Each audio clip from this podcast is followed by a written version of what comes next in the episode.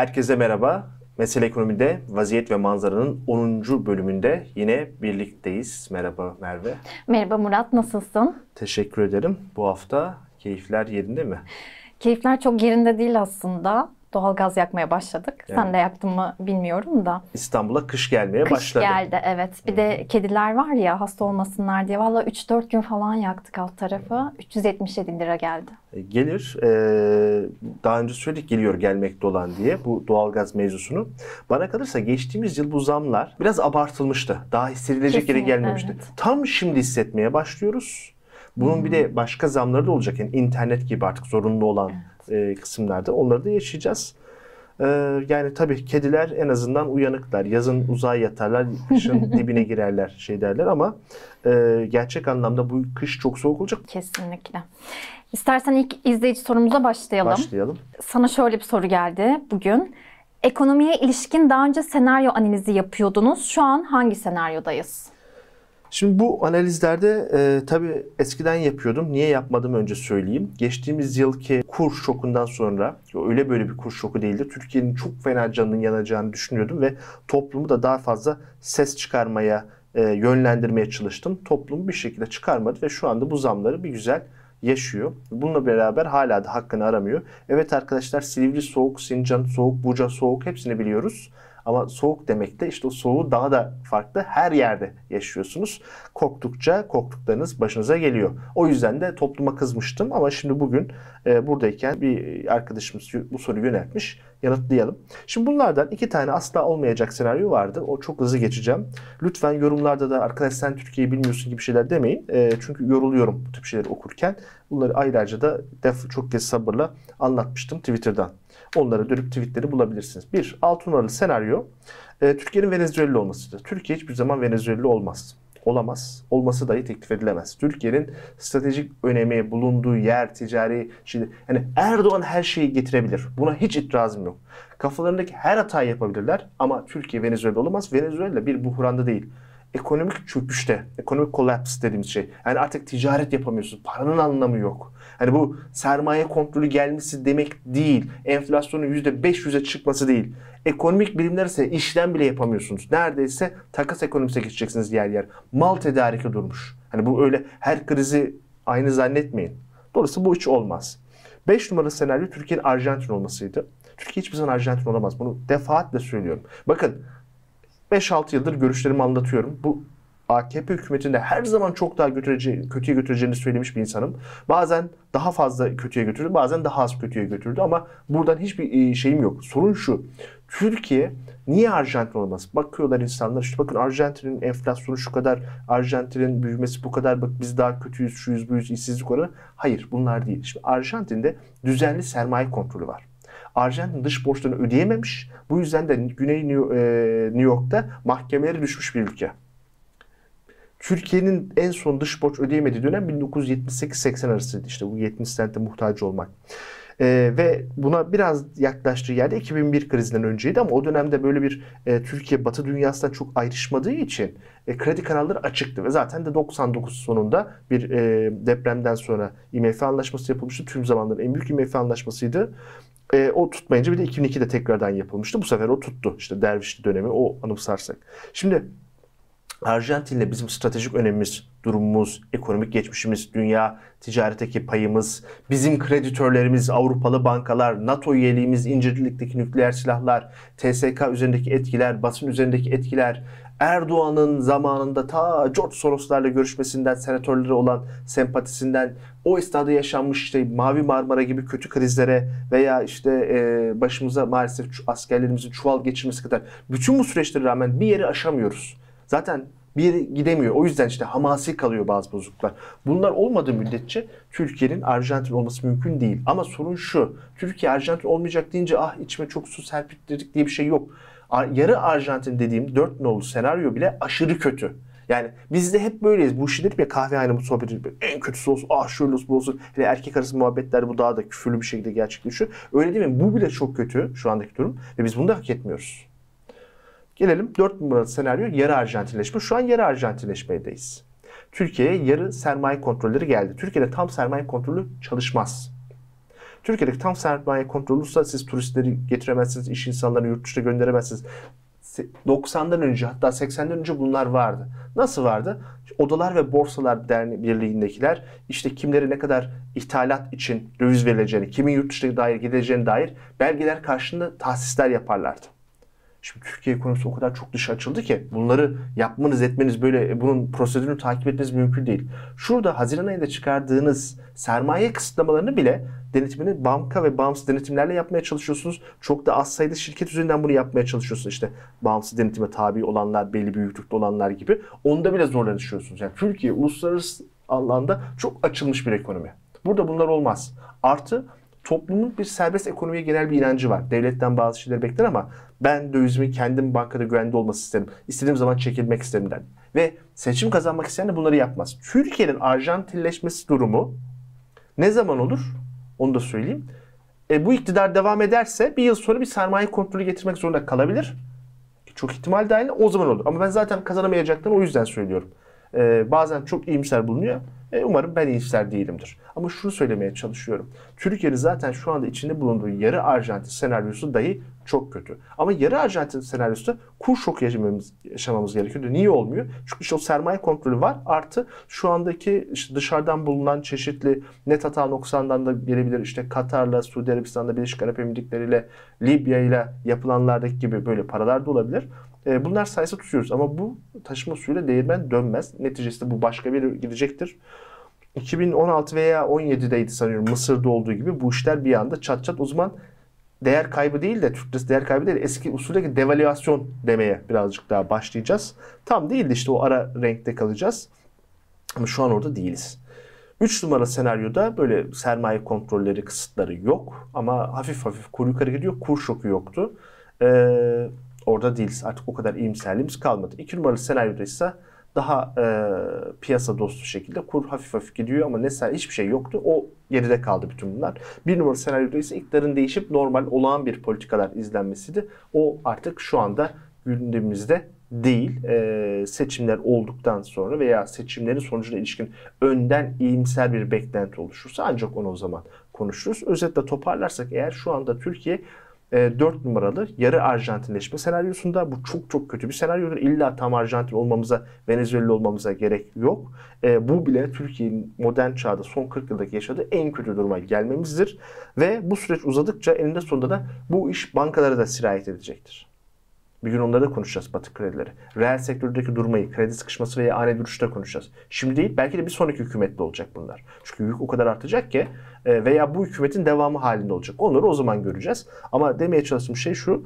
E, Türkiye ekonomik senaryolar açısından bakıldığı zaman yarı sermaye kontrolünü tercih etti. E, bununla kuru aslında durdurabilirdi.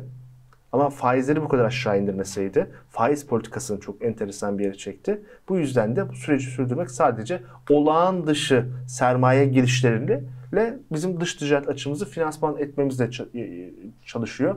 Ee, biraz seneye enerji fiyatları düşse bile dünyadaki küresel durgunluk beklentisiyle gene de o onu tamamen karşılamaz. Ne demeye çalışıyorum? Bunlar sadece seçime kadarki olan süreci gidermek için. Ondan sonraki süreçte ya faizi normalleştireceksiniz ya kuru bırakacaksınız ya da tam sermaye kontrolüne gideceksiniz. Peki ikinci izleyicimizin sorusuna geçelim. Amerika Birleşik Devletleri'nde savunma bütçesinde Türkiye'ye F-16'ya ilişkin ön koşullar kaldırıldı. Buradan seçim öncesinde Batı sermayesinin Türkiye'ye akacağını söyleyebilir miyiz? Şimdi böyle bir konuşma var. Tabii bunun arkasındaki bilinçaltı şu. Düşünenler e, muhalif görüşteler. E, batı'dan Türkiye'ye pek para akmıyor. Sermaye çıkış biraz yavaşladı ama akış da yok. E, bir de olur da Batı acaba muhalefetin kazanamayacağını düşündü de işte yavaş yavaş Erdoğan'a karşı yumuşuyor. Bir de üstüne belki de para da getir ve bir 4-5 yıl daha Erdoğan dönemi olabilir. Çünkü Batı en de sonunda Türkiye'nin illa iyiliğini istemiyor. Önce kendi iyiliğini istiyor ve belki de sığınmacıların burada kalması iyi ise Türkiye'nin e, otokrat bir rejimde ama NATO'nun e, iyi bir müttefik olmasıyla ki otokrat rejimler daha önce Batı'nın da gayet iyi müttefikleri oldular. İşte Suudi Arabistan gibi, Mısır gibi, e, Pakistan gibi. Pakistan tam otokrat değil ama e, dolayısıyla böyle bir e, akıldan geçen bir soru var. Bu sorunun geçmesi güzel. E, yerinde ama böyle olmayacağını düşünüyorum. Çünkü bu emareler yeterli değil. Şimdi Türkiye'de ve ABD'de devletle hükümeti ayırmak lazım. e, Türkiye'deki devletle hükümet ayrımı çok azalmış durumda. Bu gerçeği bilelim. Yani bir hayaller aleminde bir devlet var demiyorum ama öyle veya böyle Batı tamamen Türkiye'yi kaybedemez. Hala işte bakın e, niye bir tek nükleer silahlar bu bölgede ABD incilik üstünde saklıyor. Şimdi daha büyük üsleri var.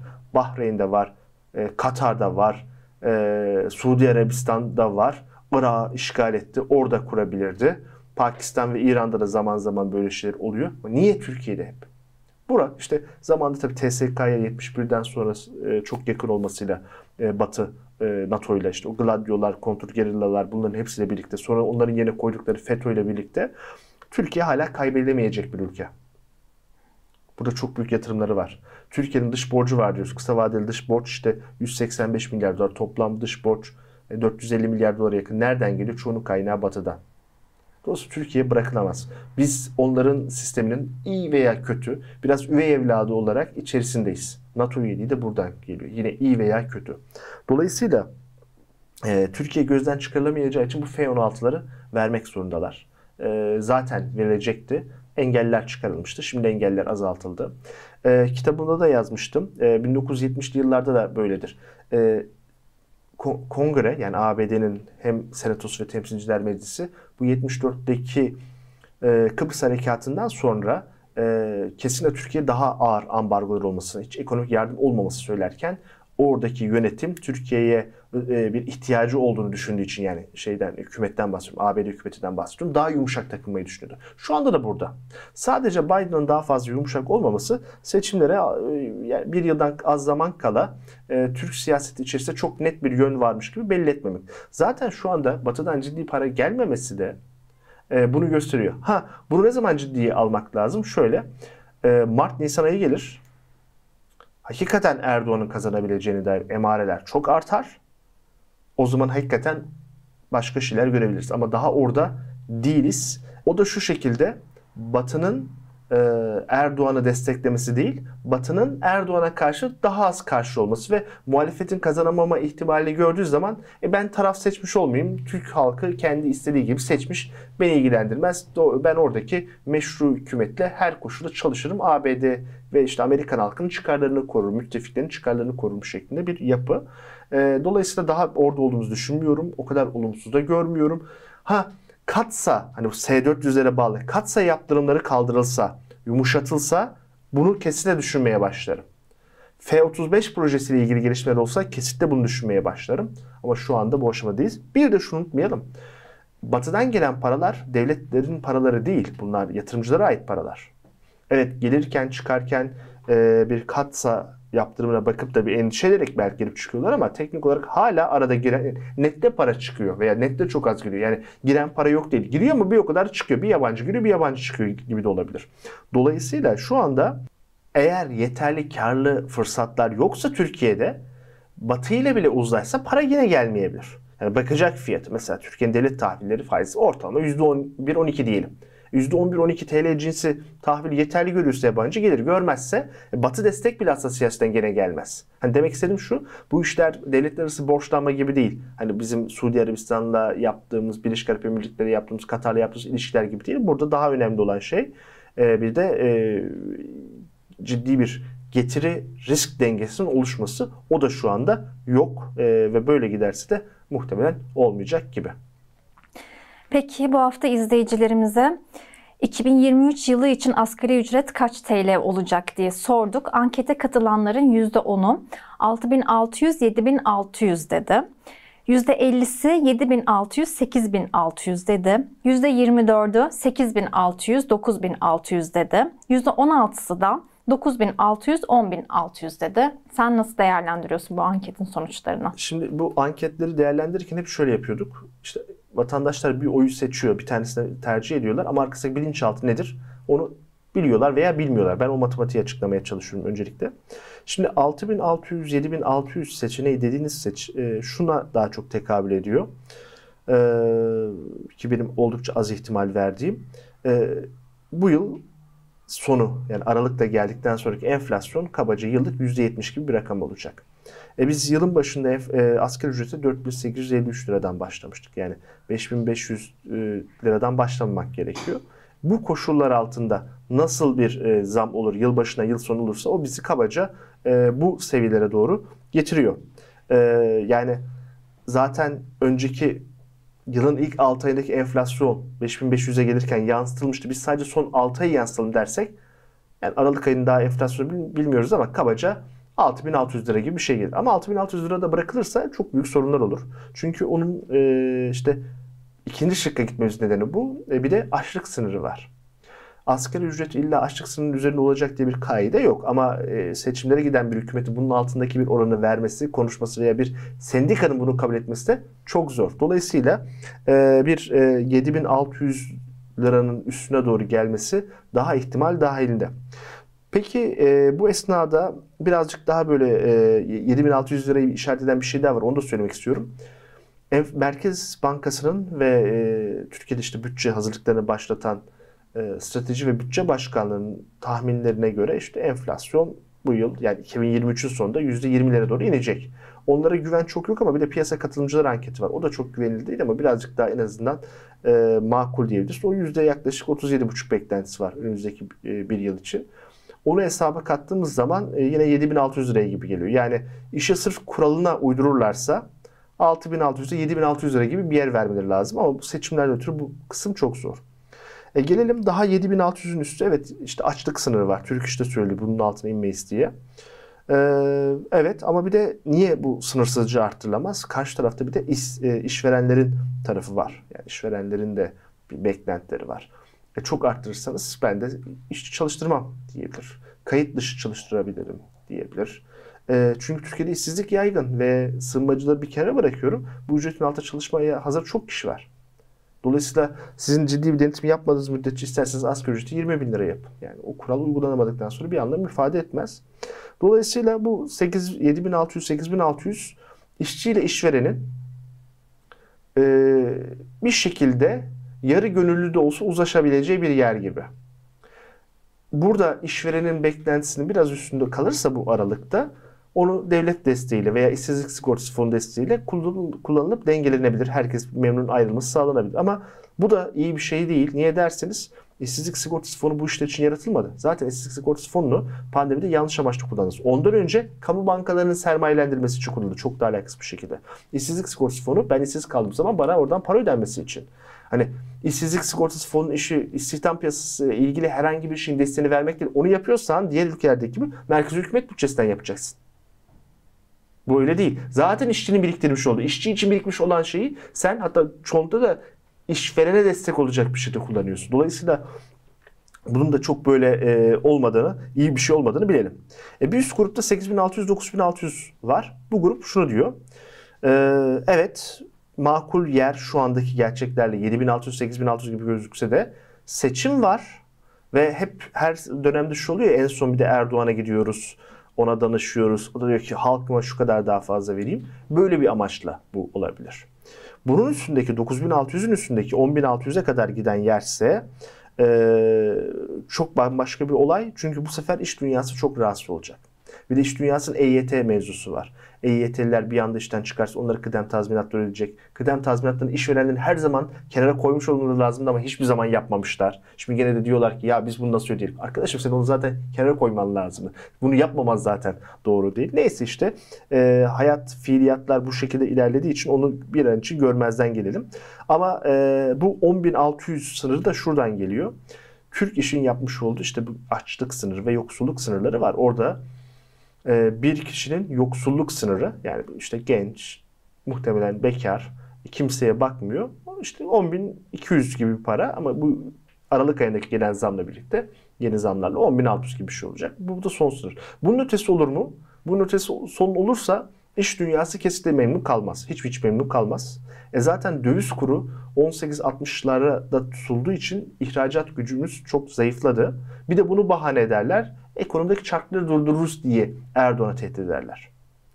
Yani bu olmaz efendim. Sayın Cumhurbaşkanı biz hem bunu veriyoruz hem bunu veriyoruz. İyi tamam seçimi kazan, susuyoruz. Demokratik ortam bu değil de bizden o zaman yatırım bekleme derler. E burası da zaten zorla yatırım yaptırabilen bir ülke olmadığı için ondan sonrası da Erdoğan seçimleri kazanmak için ihtiyaç listesi veya toplum yoksul, yoksullukla mücadele en doğrusu budur da deseniz bence hiç hayal bile edilemeyecek noktalar. Benim daha gördüğüm 7600-8600 aralığı daha insanların layığı demiyorum. Daha şu andaki dengelerle çıkabilecek gibi. Ama seçim nedeniyle 8600-9600 aralığında düşünmek lazım. Bunun dışında A ve D şıklarındakini ben kolay görmüyorum. Peki son olarak ana konumuza gelelim. Asgari ücret neye göre belirlenmeli? Şimdi bir kere sistem nasıl çalışıyor? Ee, bir asgari ücret görüşme komisyonu var. Aralık ayında bunlar toplanıyorlar. Üç grup var. İşçi, işveren ve devlet. Bizde üç tane işçi sendikası var. Konfederasyonu var. İşte DİSK, HAKİŞ ve e, Türk İş. Bunlardan en yüksek üye sayısı olan bunu kullanıyor. Zaten geleneksel olarak Türkiye'nin en, en eski işçi konfederasyonu da e, Türk İş o pazarlıklara hep katılıyor. Tabi buradaki beraber değil tek başına yapmaları da oraya disk girmesine. Tabii şimdi disk çok küçüldü. E, 1970'lerdeki gibi Türkiye'yi sallayan disk yok. E, ama e, daha önce Türk İş Başkanı'nın da birkaç tane basına sehven yansıyan mikrofon açık konuşmalarından anlaşıldığı üzere zaten hedeflenen olmuş. Yani Türk İş iktidarın tarafına geçildiği için o pazarlıklar çok zor olmuyor.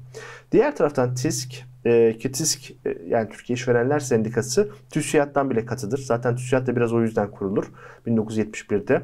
E, bir de diske tepkidir. Bunları kitapları güzel yazdığımı düşünüyorum. Aynı zamanda e, izleyicilerin araştırmalarını tavsiye ederim. Onlar da 7 bin lira gibi miktarı isteyecekler. Onların da bir böyle bir evet, bakışları var. İşte bu üç grup geliyorlar. Her bir seferinde bir ev sahipliği yapıyor. Sonra devlet işte hakem heyetine gidiyor ondan sonra. Eğer uzlaşma çıkmazsa hakem heyeti bazı önce bahsettiğim birçok kritere göre bakıyor. Bu olsun diyor. Sonra bu uzlaşma fiyatı olarak işte öyle veya böyle çıkıyor. Beğenmeyen şerh koyuyor ama her zaman iktidarla işverenler aynı çizgide oldukları için mutlaka oradan hani şerhli iş, işçi sınıfı şerh bile koysa oradan karar alınıyor. En sonunda Cumhurbaşkanı önüne gidiyor. Cumhurbaşkanı da gönlüm el vermedi deyip şöyle bir oran olsun diyor ki bu yıl kesinlikle onu yapacaklar diye düşünüyorum. Ancak burada asıl şey şu kıstaslar. İki tane önemli konu var. İlki asgari ücretin insanları belli bir düzeyde onur yaşam sağlaması. Yani bir kere açlık sınırının altında 4 kişilik bir aile olamaz. Ama açlık sınırı dediğiniz zaman onda kira yok, ısınma yok e, ve ulaştırma yok. E şimdi siz işinize ışınlanarak gitmiyorsunuz. Ev sahibi olarak da doğmuyorsunuz. İş yerinize de herkes yürüyerek gitmiyor. Dolayısıyla açlık sınırı çok da anlamlı bir şey olmuyor. Yoksulluk sınırına bakmak lazım. Yoksulluk sınırı da kabaca birazcık da sos, sosyalleşme de sanıyorum buna dahildi. 26 bin lira kadar. 4 kişilik bir aile için. Tabii orada benim şöyle bir itirazım var. E, ee, 4 kişilik bir ailenin tek bir maaşla olması zaten doğru değil gelişmiş bir ülkede. E, gelişmekte olan bir ülke için olmaması gerekiyor yani. E, ve az geliriniz varsa çocuğunuzda iki tane olmaması gerekiyor. Bunları da bir düşünmemiz gerekiyor. Yani bu şey gibi değil. Burası da komünist bir devlet değil. Ee, işte şöyle şöyle şöyle bu parayı böyle vereceksiniz böyle olacak deme şansı yok. Siz de kendinize dikkat etmeniz gerekiyor. Kimseye kötü bir hayatı layık gördüğünden değil. Türkiye eninde sonunda 800 milyar dolarlık bir e, ekonomi. Yani bu ülkeye sosyalizmi de getirseniz insanlara yüksek refah veremezsiniz. Bir kere ortalıkta e, şey gelir az, üretim az. Böyle bir ortamda dolayısıyla bir İsveç, bir Almanya tarzı hayallerle bizim oradakilerde ne eksimiz var dediğiniz zaman havada kalıyor. Evet insan olarak bir eksimiz yok ama işte oradaki iş gücü verimliliği yok. Oradaki katma değerli ürünler yok. Dolayısıyla da öyle gelirler yok. Bu halk düşmanı değil, gerçekçilik. İsterseniz yapın ama işverenler çalıştırmaz, zorlayamazsınız. Ondan sonra ekonomi durur, herkes bu sefer fakirleşir. O yüzden yani böyle makul olmayacak rakamları söylememek veya demografinin önemini e, göz ardı etmemek lazım. Burada şunu unutmayalım, her şey maaş değil, o kadar çok şeye sosyal devlet üzerinden e, kullanamaz hale geldik ki onlar da mesela yani ailenin eğitim giderleri çok az olması lazım. Çünkü özel okula verme ihtiyacı kalmaması lazım. Özel hastaneye gitme ihtiyacı kalmaması lazım. Nasıl olur? İşte doktorları kaçırmazsanız, düzgün koşullar yaparsanız insanlar bunları yapmazlar. Şu an devlet hastanesinde ameliyat olabiliyor musunuz? Olamıyorsunuz. Değil mi? Bunun gibi, gibi düşün. O zaman bunları siz bedava, ücretsiz ve kaliteli sağlarsanız aslında bu ücreti de o kadar yukarı çekmek zorunda kalmazsınız. Bir diğer kıstas asgari ücret bir istisnadır. 2015 yılından önce Almanya'da asgari ücret bile yok. İhtiyaç duymamışlar. Asgari ücret çalışanların sadece %5 ila 10'un alması gereken bir e, ücrettir. Bizde temel ücret. Bir de bakan çıkmış arsızca asgari ücretle temel ücret olduğunu iddia eden varsa bu işi bilmiyordur. Ya biraz utanın lütfen. Yani biraz utanın. Hem o makam araçlarını biliyorsun hem de aklımıza dalga geçiyorsunuz. Yani tabii ki Türkiye'de temel ücret. Yani zaten Türkiye'de demeye çalıştığım şey şu bu kadar asgari ücretli olmamalı. Bizde ama maalesef bu hale geldi. Bir kere daha söylüyorum. Talihsiz bir öngörüde bulunmuştum Mart 2017'de. E, bir, gün herkes asgari ücretli olacak diye. E, 2023 değil ama 2024 yerel seçime doğru hakikaten öyle olacak. Böyle giderse %90'a kadar herkes asgari ücret bir tık altı veya üstü alacak. E, toparlarsak eğer belki e, Türkiye'de e, işte 4 kişilik aile demeyelim ama 2 kişinin anne babanın çalışıp bir çocuğun olacağı bir yerdeki yoksulluk sınırı e, kabaca 10-11 bin gibi. E, tek bir kişi için de kabaca bu rakamları söyleyebiliyoruz. E, bu seviyeye çıkarabilmemiz lazım. Şu anda bu olmaz. Biliyoruz. Çok hızlı bir enflasyon ve işsizlik kısa vadede öyle olumsuz sonuçları da olabilir. Çünkü talebi arttıran her şey ister istemez buralara da yansır. Ve, ve işte e, ücret enflasyon e, sarmalına girdik, girdik ona zaten. Bundan ötürü de zam yapılmasın demiyorum ama bilelim yani her zam enflasyon olacak. Her enflasyon tekrar zama dönüşecek. Ne zaman ki ekonomi durana kadar böyle devam edeceğiz. 90'larda biz bunu çok iyi yaşadık maalesef yaşadık. Özetle ee, bir kere asgari ücreti temel ücret olmaktan çıkarmak lazım. Asgari ücreti bu kadar yaygın olmasını engellemek lazım. Kayıt dışı çalışmayı durdurmak lazım. Tehlike içeren, sağlık sorunu yaşatan veya teknik bilgi veya yöneticilik yeteneği gerektiren mesleklerin asgari ücretin iyice uzaklaştırılması lazım. Bu esnada da e, yoksulluk e, mücadele için yeterli olacak gelir vermek lazım. Ama bu bugünden yarına olmaz. Çünkü 800 milyar dolar 84 milyon vatandaşa artı sığınmacılara çok az bir şey. Bizim çok derhal derhal 1 trilyon dolarlık ekonomi olmamız lazım ki kuru bu şekilde sabit kaldı. Her şey sabit kaldığını varsayıyorum. Biz gerçekten bir 11 bin liralık bugünkü tamamen şartlarla işvereni de küstürmeyecek, biraz üzecek ama tamamen küstürmeyecek, iş yapmaya devam edebileceği bir asgari ücretimiz olsun. Teşekkürler Murat. Bu haftalık bu kadar. Ağzına sağlık. Ben teşekkür ederim. Öyleyse bir sonraki yayında haftaya görüşmek dileğiyle. Hoşçakalın.